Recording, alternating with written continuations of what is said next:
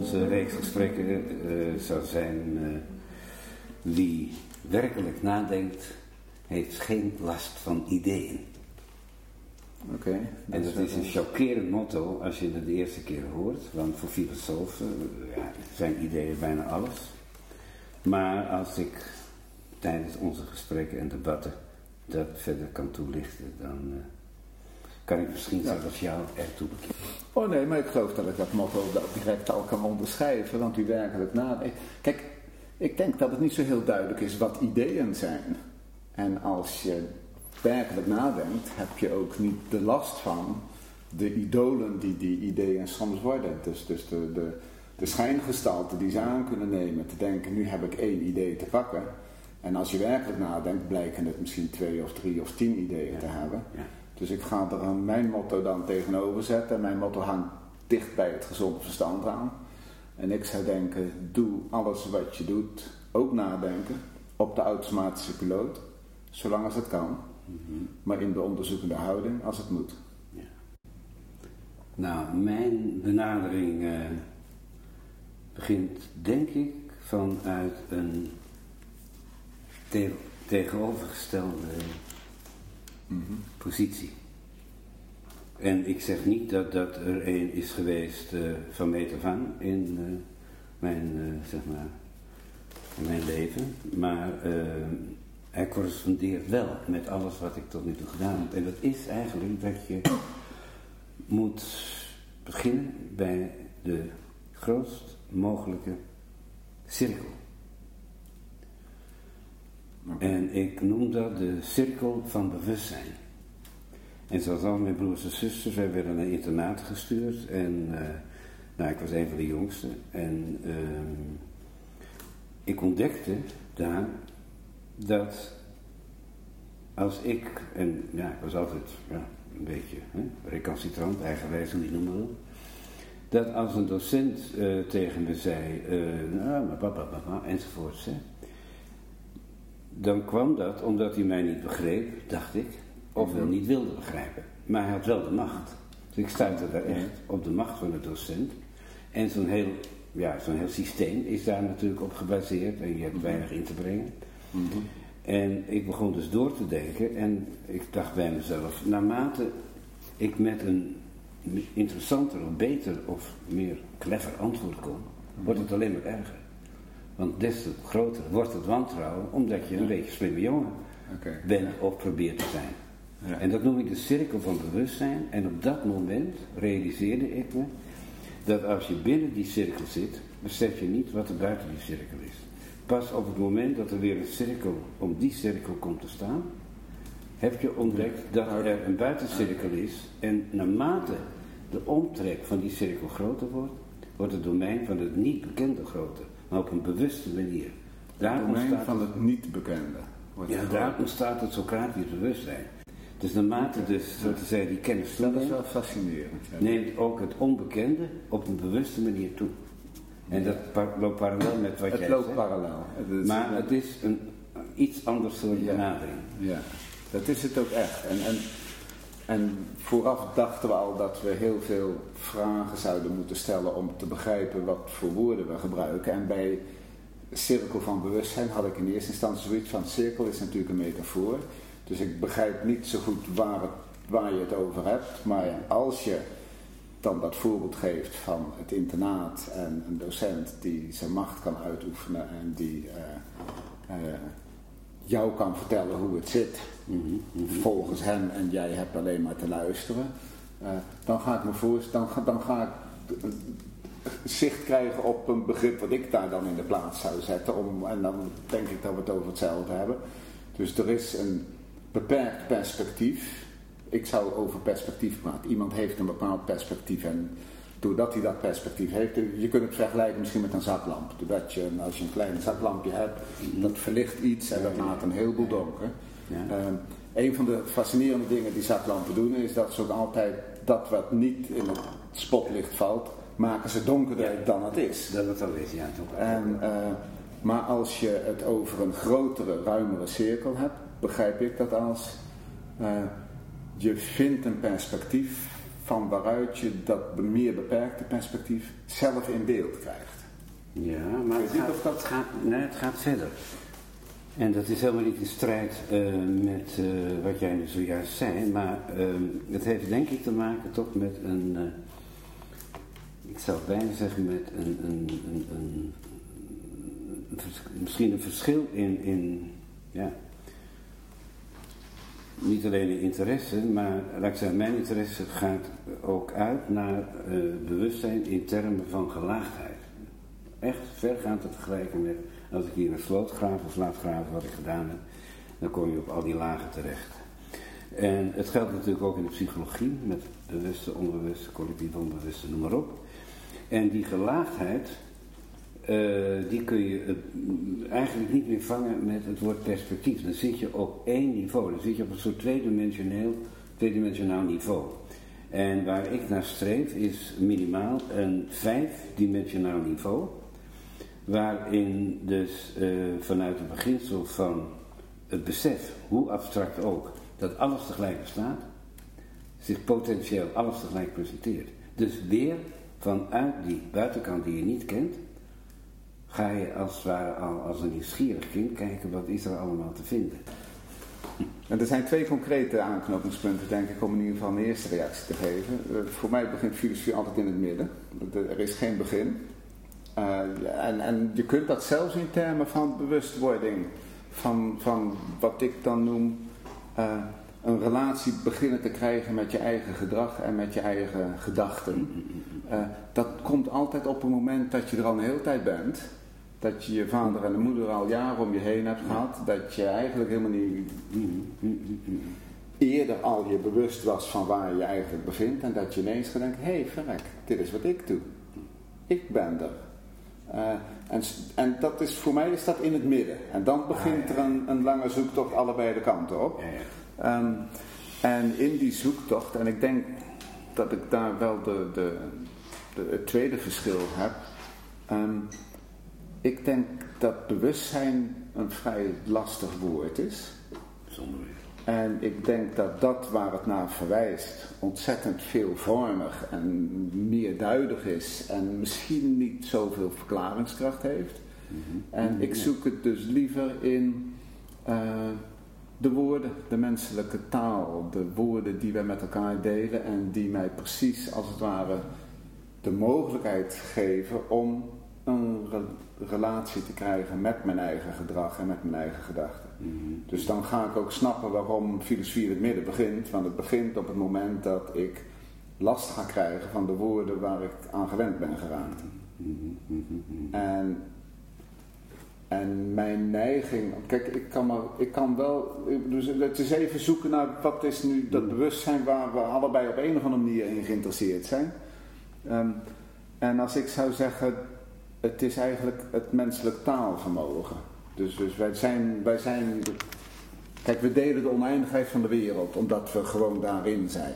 Je? Dus ik ben nu hier in, in Weider en, en ik kan ook naar Australië en, en, over een paar honderd jaar kunnen we met een raket, weet ik veel, ergens nog ergens veel verder heen.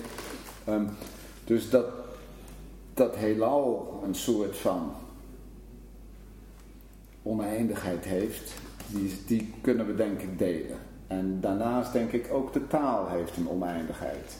Hmm. Maar dat het bewustzijn als het ware naast de taal en het heelal een oneindigheid is. Nee, nee, nee, nee. nee, nee, nee, nee. Ik, uh, als, als, je, als je werkelijk wil weten hoe zo te zeggen, essentieel gesproken denk, dus tot in de kern, dan uh, ervaar ik in toenemende mate en het is bovendien ook op alle mogelijke manieren wetenschappelijk eh, goed te, goed te analyseren. Dat we dus in, zeg maar, in materiële zin, als een soort omvattend woord voor dat wat is, mm volstrekt identiek zijn aan kosmisch stof, water enzovoort. Alle mogelijke fases die je dus evolutionair zou kunnen onderscheiden, Mhm. daar participeren wij in. En het enige verschil, dus er is geen enkel materieel verschil wat mij betreft, maar het enige verschil, en dan ja, gebruik ik dan inderdaad een beeld, maar ik denk hopelijk een adequaat beeld, is dat wat jij dus nu bewustzijn noemt en koppelt aan taal, et cetera, et cetera, en de ontdekking, ik zit in het midden tussen dat en wat komen gaat, dat wij, noem ik, een spiegel, de spiegel van de kosmos zijn. En daarmee ook de spiegel van onszelf. Ja. En het boeiende is dat in een hele oude traditie, waaronder in de Japanse, Ama, Amaterasu, Amaterasu, dat die dus de zonnegodin ook eh, naar buiten treedt door in een spiegel te kijken. En de spiegel is dus een uitdrukkingsvorm van dat proces, van die zelfbewustwording. Maar jouw zelfbewustwording is hetzelfde met een kleine z. En de zelfbewustwording die ik probeer aan te kaarten is, althans, zo te zeggen vanuit een soort diepe intuïtie, heeft dus te maken met ons plekje, onze kleine positie in ergens in dat totaal. Dus weer, je pakt die cirkel, of je pakt beter gezegd in dit geval de hele bol. En ergens komen we tevoorschijn en we verdwijnen ook weer in die bol. Ik bedoel, de dood bestaat niet alleen als taal, als zelfstandig naamwoord. Met andere woorden, als jij eh, de zaak te veel koppelt aan taal, dan eh, zeg ik tegen je, ja, dat is heel aardig, maar die taal moeten we juist kraken. En eh, zoals ik het ook in die filosofische netwerk voel, het taal domineert, domineert zo sterk de manier waarop wij kunnen denken. Ja, ik denk, ik denk dat ik het snap, maar ik denk ook dat, eh, dat eh, de taal toch veel dieper en dieper ingrijpt. De- En ik moet het eigenlijk ik moet het anders gaan zeggen. Ehm, De suggestie die er lijkt te zijn is dat de taal één, maar ik weet niet zeker of de taal één ding is waar je in zijn totaal van kunt bevrijden. Maar de ene taal zal vervangen worden door de ander. Dit is ook wat wij nu gaan doen. Dus al- als deze gesprekken gaan werken, dan gaan we met elkaar een nieuwe taal Ik, ik ben het bouwen. in. Waarin we als het ware in die taal elkaar tegen kunnen Ja, komen. ja. Nee, maar dat, dat standpunt deel ik. Alleen ik probeer een sprong te maken om een uitgangspositie te verduidelijken. Mhm. Dat ehm, mijn streven is om dwars door die taal heen. En die is, Eh, tot- is het één taal nu? Of de taal die wij gaan maken met elkaar? Nou, Daar eh, doorheen? Dat moet blijken. Nou, het talig bewustzijn, laat ik het zo zeggen. Talig bewustzijn. Dus je hebt Ja, taal nodig. ja, dus ik denk talig, als ik even, ik ga er even nog doorheen, maar als talig bewustzijn eh, als het ware de vervanger wordt voor, je accepteert als het ware dat het niet, er niet één taal is, maar je wil nu toe naar, maar er is wel één talig bewustzijn en daar moeten we ook vanaf. En ik zou denken, talig bewustzijn Eh. zijn twee woorden. En ik weet niet of dat waar die twee woorden naar verwijzen één ding is. Vermoedelijk is jouw talig bewustzijn weer een ander dan Nou, omdat, laat ik zeggen, als je jaren doorbrengt eh, in een conservatorium of een academie voor beeldende kunst of wat dan ook, of als visser op de oceaan, en je spreekt bijna niemand, dat bewustzijn gaat door en het vertaalt zich op alle mogelijke manieren. Er zijn dus ettelijke lagen waarin dat niet is. Plus dat de taal waarin wij ons uitdrukken, met eh, onderwerp, gezegd en dergelijke, nou, in het Chinees al helemaal niet opgaat. Dus onze logica bijvoorbeeld is in die zin al heel cultureel en taalgebonden. En zo Oh, ik ben, daar ben ik helemaal met je eens.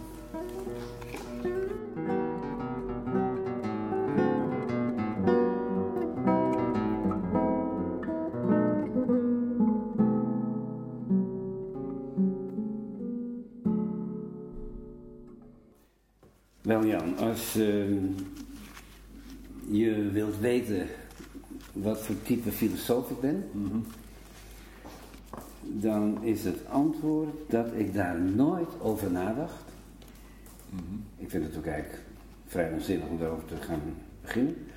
Maar eh, op een nacht of een avond op de Kring in Amsterdam, de kunstenaars plus plus sociëteit, eh, had ik eh, Freddy R, Sir Alfred R meegenomen. Waren inmiddels, hè, nou, mochten elkaar graag. Dus het was Freddy, kom die Freddy nou. En wat gebeurt er op die avond? Dat Alfred R. mij vertelt wat voor filosoof ik ben. Oké. En dat deed hij met behulp van William James, die dan werkt met zeg maar, de drie basisposities die eh, filosofen vanuit ja, duizend jaar al min of meer innemen. Alles niet in gemengde vormen. Een vorm van eh, pluralisme, hè? bijvoorbeeld Bertrand Russell is een radicaal pluralist, Wittgenstein was het in Philosophical Investigations enzovoorts. Uh, dualisme, mensen als Leszek Walakowski of Karl Popper en dergelijke. En monisten zoals Arne enzovoort. Maar Arne zal zichzelf nadrukkelijk een pluralistisch monist of een monistisch pluralist noemen. Want voor hem gaat het juist om de verschillen. En wat zegt nu en, en, en, en er zelf valt heel duidelijk met zijn scheiding, hele scherpe scheiding tussen feiten enerzijds en waarde anderzijds, als een logisch positivist, mm -hmm. en zet ook die leerstoel in Oxford, zegt, dus de logisch positivist zegt met grote en ontzettend sympathiek en vriendelijk ogen tegen mij, Fons, jij bent een monistisch pluralist, of een pluralist monist. En wij begonnen te citeren, bijna letterlijk, uit, uh, uit die studie, waar dan die onderscheidingen gemaakt werden door William James. En ik kon alleen maar zeggen, ja, dat klopt. Ja, vermoedelijk ben ik dat dan ook, een pluralistisch monist. Maar eigenlijk denk ik meer nog... Nee, eigenlijk denk ik dat ik een simpele pluralist ben. Uh, maar misschien ook wel een dualist. Ik denk dat ik dat monisme daar niet zo bij hoef. Nee. En ik denk dat ik het monisme niet geloof. Um, en er zijn nog er zijn een paar meer. Dus een van de dingen waar ik, met, waar ik me het meest zorgen over maak is...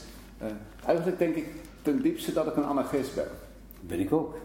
Maar dat betekent ook dat ik me zorgen maak over de institutionalisering van filosofie. Dat deel je vast ook met mij. Maar dat weet ik niet zeker of je dat deelt. Ik denk dat het zoeken naar een institutionalisering van filosofie... Uh, ook het grote risico met zich meebrengt dat filosofie ophoudt filosofie te zijn.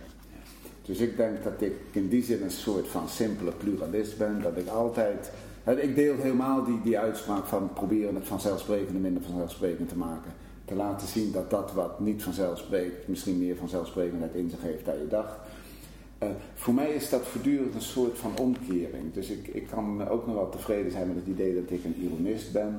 Dat ik altijd denk dat het onthullen van meer inzicht tegelijkertijd betekent het verhullen van dat wat je niet begrijpt. Uh, en, ik, en ik heb niet zo de neiging, dus als we in de, in de buurt van Hegel zitten, hè, dan zou je kunnen zeggen, kijk Hegel zegt, uh, waar het om gaat is de identiteit van identiteit en verschil. En ik laat dan dat eerste stukje identiteit weg. Waar het om gaat is identiteit en verschil. En iedere keer als wij denken, hé, hey, nu zijn we uit elkaar gevallen en we zijn met z'n tweeën, vind ik het het interessant om te gaan zoeken naar wat we delen. Um, maar zodra we denken, nu hebben we het te pakken, ben ik de eerste die gaat zeggen, nou, weten we dit nou wel zeker? Er zit er niet meer een verdubbeling in die we over het hoofd zien. Kijk, um, strikte logische identiteit is een volkomen oninteressant begrip. Absoluut niet. Oh jawel. Nee, absoluut niet. Dat hebben we software bestaat We hebben hier een heel erg leuk uh, meningsverschil te pakken. Nee, absoluut uh, niet. Maar het is dus ik denk dat is een... Dat, is dat geen category mistake maken aan Gilbert Ryle, hè? Je moet het nee, een niet verwarren met het andere. een category mistake maken. Ik denk juist dat als jij het hebt over uh, identiteit en dan zegt als P dan P, dat vind ik een puur logische, ja. strikt logische identiteit. En ja. helemaal niet interessant, want die gaat niet over ons in ons menselijk bestaan is identiteit. Ja. dus dat is een tweede meningsverschil dat we nu hier hebben, maar dat moeten we nog wel ja, het meningsverschil uit, te, uit te pluizen. Ja, nou ja, kijk. Um, ja, ik denk dat als we dit serieus nemen, dan moeten we nu proberen te snappen wat we aan onbegrip delen. Dat vind ik zelf een van de leukste frases ja, zijn, dat uh, wij onbegrip nou, delen en ik, niet ik, zozeer... Ik denk, eerlijk gezegd, alles wat je tot nu toe zegt, vind ik persoonlijk glashelder. Glashelder in de zin dat ik wel begrijp wat je ermee bedoelt, maar dat de relatie tussen de, de termen die je gebruikt, dus filosofische taal van identiteit en verschil, dat ik dus kritiek heb op dat begrippenpaar. Ik heb simpelweg kritiek op dat begrippenpaar. Ja. Daarom loop ik ook niet zo weg met, met, met veel van de Franse. Nee, maar kijk, ik denk eigenlijk dat je, als je zegt ik heb kritiek op dat begrippenpaar, dan heb je vermoedelijk kritiek op het uh, begrippenpaar begrepen als strikt logische identiteit en strikt logisch verschil. Maar, maar het gaat mij om wat, wat taal doet, is dat taal onthult en verhult tegelijkertijd. En mijn identiteit is een project. Oké, goed. Oké. Een project is dan een groot woord, maar dus, dus juist het begrip identiteit en het daarbij behorende begrip verschil, maar dan voor iemand die een pluralist is, laten we dan maar even zeggen, is een begrip wat heel, heel weinig met strikte logische identiteit te maken heeft. Oké, nee, daar heb je helemaal gelijk, maar dat begrijp ik ook. En daarom, eh, want dat zou ik het niet kunnen bekritiseren. Maar dan is dus de vraag, waarom gaan we twee begrippen gebruiken die geen van beide, als het ware in primaire elementaire betekenis, die functie kunnen verdragen. Het komt een beetje neer, maar dan maak je een enorme sprong op de spanning die bestaat uh, als je de presocratici bestudeert, wat wij onder andere dus bij Staal en bij Holland deden. Mhm. En dat vanuit het Grieks, dat je dan zo'n zinnetje krijgt bij Herakleitos als bios est in bios. Nou, bios kan betekenen leven en ook boog. En dan moet je naar die tekens kijken om het te weten. Mhm. En dan was de tweede zin, die je dan maar moest zien te vertalen, en zijn effect zoiets is de dood. Waarop het dan natuurlijk voor de hand liggend is om te denken, ah, het leven is een boog, wat trouwens een prachtig beeld is, een gespannen boog, mm en zijn effect is de dood. de pijl wordt afgeschoten, maar die richting, bam, daar gaan we. Nou, het punt wat ik daarmee probeer te maken is het volgende. Iedereen weet zo, pantarij, alles stroomt, hè, dus de, de, zeg maar de, wat we nu zouden noemen de procestheorie, de allesomvattende procestheorie van Heraclitus. Maar als je dan daarnaast een keer een zaterdagmiddag besteedt om wat van die schaarse teksten van Parmenides te lezen, hè, dan word je getroffen, althans veert is, op die enorme bewustzijn. En niet best weten dat, dat, de wind waait en dat zo'n boom groeit en weer. Hè, maar het is dus een soort metafysisch bewustzijn, waar zelfs Holland nog niet aan tippen komt, zou ik dan maar zeggen. Hè? Mm Dat is onze, hè, de laatste demonicanen heb ik hem genoemd, zelf metafysicus. En uh, daar heeft hij trouwens ook wel aardig op gereageerd, wel met gevoel voor humor. Nou, als je dat leest, dat it is. Mhm. En je zet aan de andere kant panterij, alles stroomt. Mhm. Nou, dan zou ik kunnen zeggen, jouw identiteit, it is. En het panterij is het verschil, want is steeds anders. Maar de clue is om die twee termen, it is en panterij, dus identiteit en verschil zoals jij ze bedoelt, van binnenuit te nemen. Dus niet zus en dan zo, maar dan moet je het weer, hè? Maar zeggen, hier is het één en voor ons goed begrip gaan we die kant uitleggen en die kant uitleggen. Je gaat het eigenlijk in wezen eerst problematiseren. Mhm. Op een zodanige manier dat op de weg kwijtraken en het nooit weer terugvinden. En ik heb zoiets, ga terug naar het begin en probeer het walletje en het scheepje bij elkaar te houden in de zin dat je polair leert denken. En dat die polariteit hier zit en niet in die zogenaamde veronderstelde ja, identiteit of wat dan ik, ik, ehm, er zijn te veel dingen waar ik op moet reageren, dus ik neem even daar toch de tijd voor. Uh, de eerste is, uh, en dat is vermoedelijk al wat je merkt. Uh, ik heb niet zo de neiging om te denken dat we betere filosofie doen door andere filosofen aan te halen. Dit is een, dit is een karakterverschil dat wij hebben. Dat, dat, dat, maar nu ga ik het toch wel doen, want dat is het tweede punt.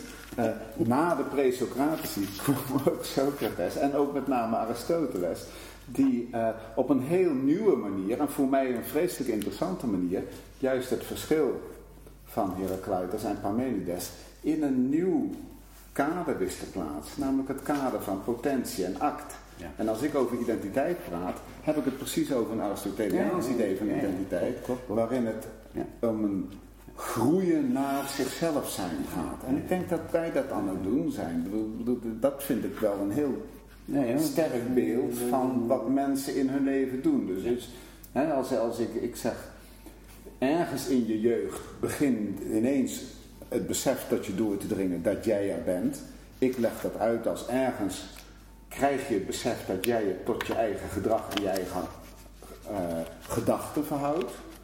En dan is in het begin die notie van eigen, dit zijn mijn gedachten, dit is mijn gedrag, is nog heel dun. En die wordt langzaam groot. En daar heb je een heel leven voor nodig. En dan vult dat eigen zich als een project waarbij dus identiteit een groeiend bij jezelf komen is. En als ik dan langskom bij jou op je sterfbed, hoe praten we dan met elkaar?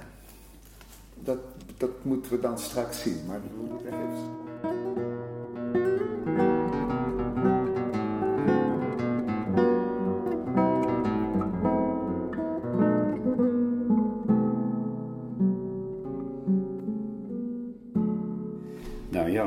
ik eh, mag reageren op je laatste opmerkingen over Socrates en Aristoteles.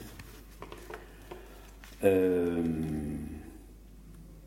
dan denk ik bij mezelf dat we ons goed moeten realiseren met Socrates, en wie waardeert hem niet, dat daarmee toch een vorm van antropocentrisme in de filosoferen terechtgekomen is, die uh, heel veel pluspunten heeft, maar ook heel veel nadelen.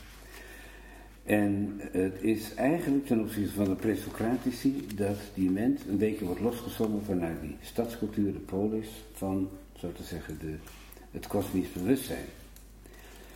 En hoewel de kosmologie op dit moment op een soort hoogtepunt staat, als je dat historisch bekijkt, is tegelijkertijd het bewustzijn bij de mensen zelf ervan, althans in de westerse wereld, close to zero. Het is te vergelijken met sinds de evolutietheorie van Darwin het licht heeft gezien. En Darwin is indirect weer beïnvloed door Hegel en gaat zo maar door, door het evolutionaire denken van Hegel, Marx, etc. En sinds de aap onze halfbroer is geworden, staan we verder af van de aap dan ooit daarvoor.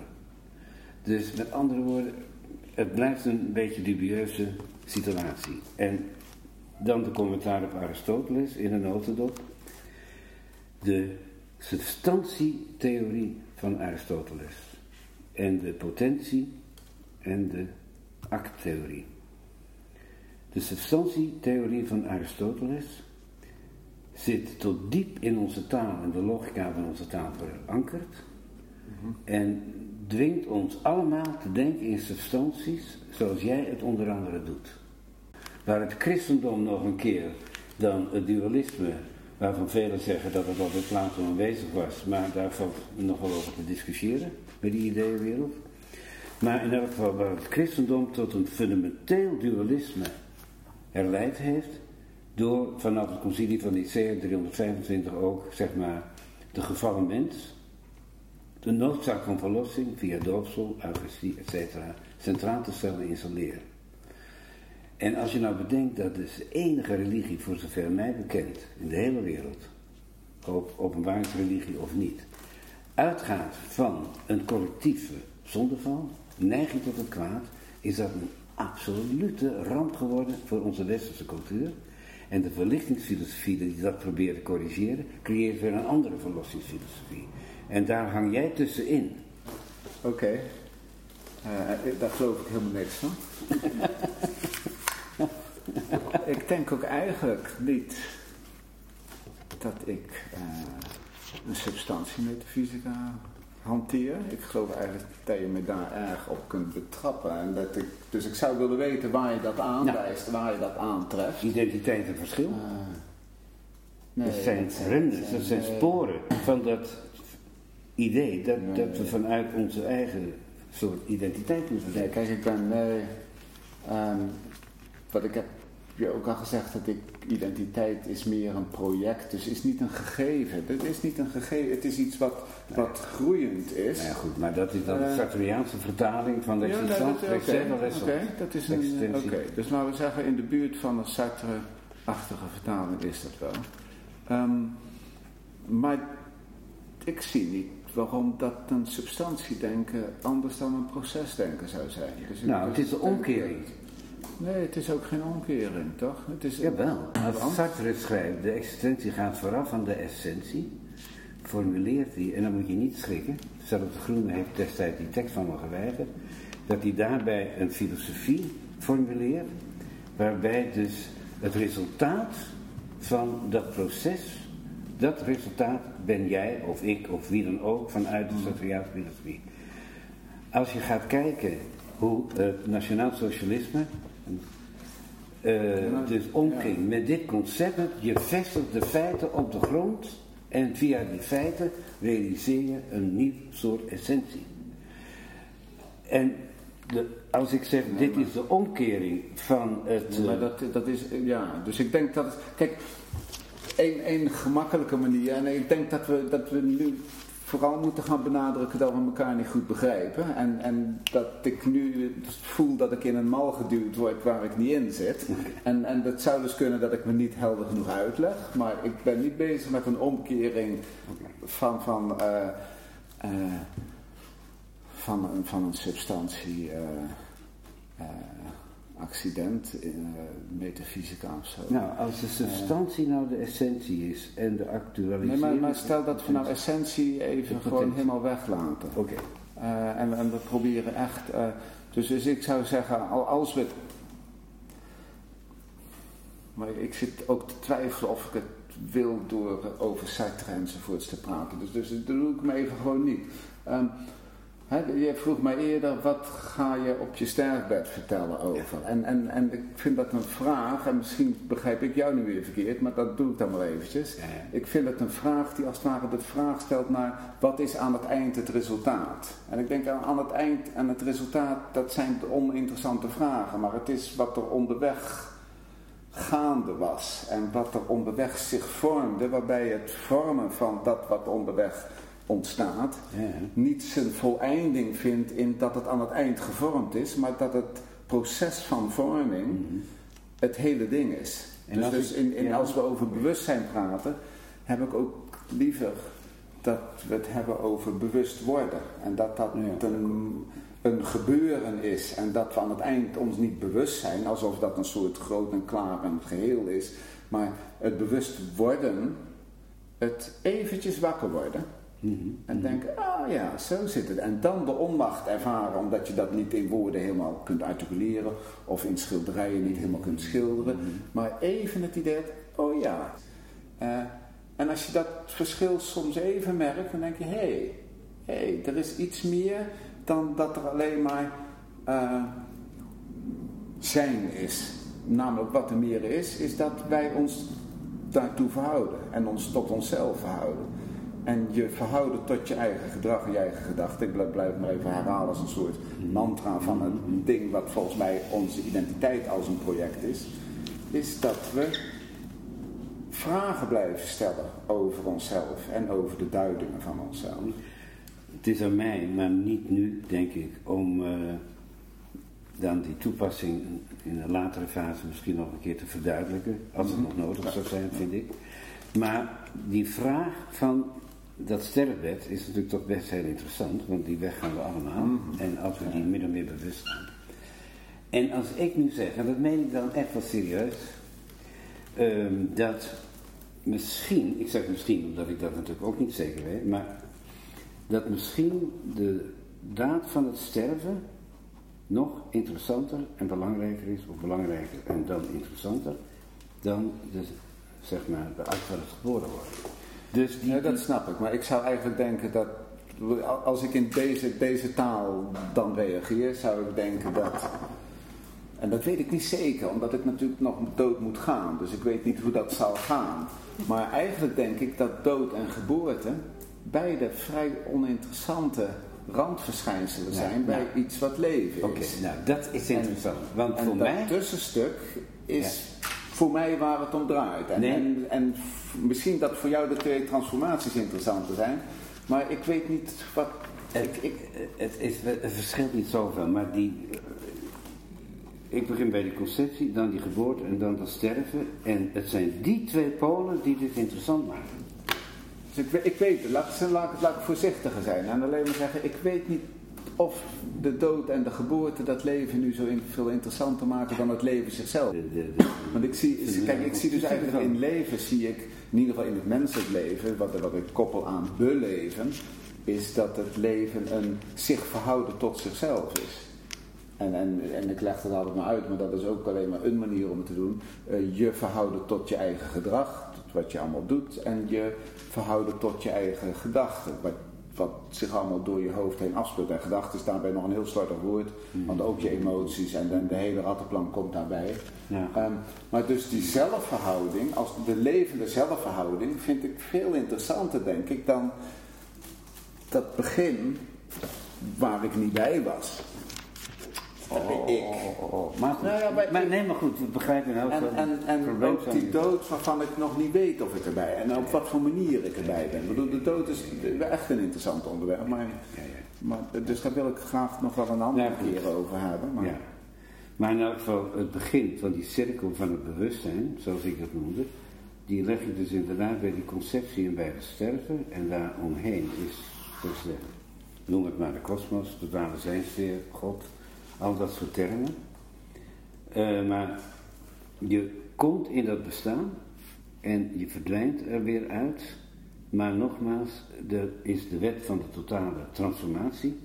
Maar je verdwijnt niet. En dat is zo buitengewoon interessant. Want als je daaraan de vraag naar het menselijk bewustzijn koppelt, dan gaat er echt iets gebeuren. Dan gaat het, wauw, als het gaat bliksemen, dan gaat het, dat is echt de, gaat het bliksemen.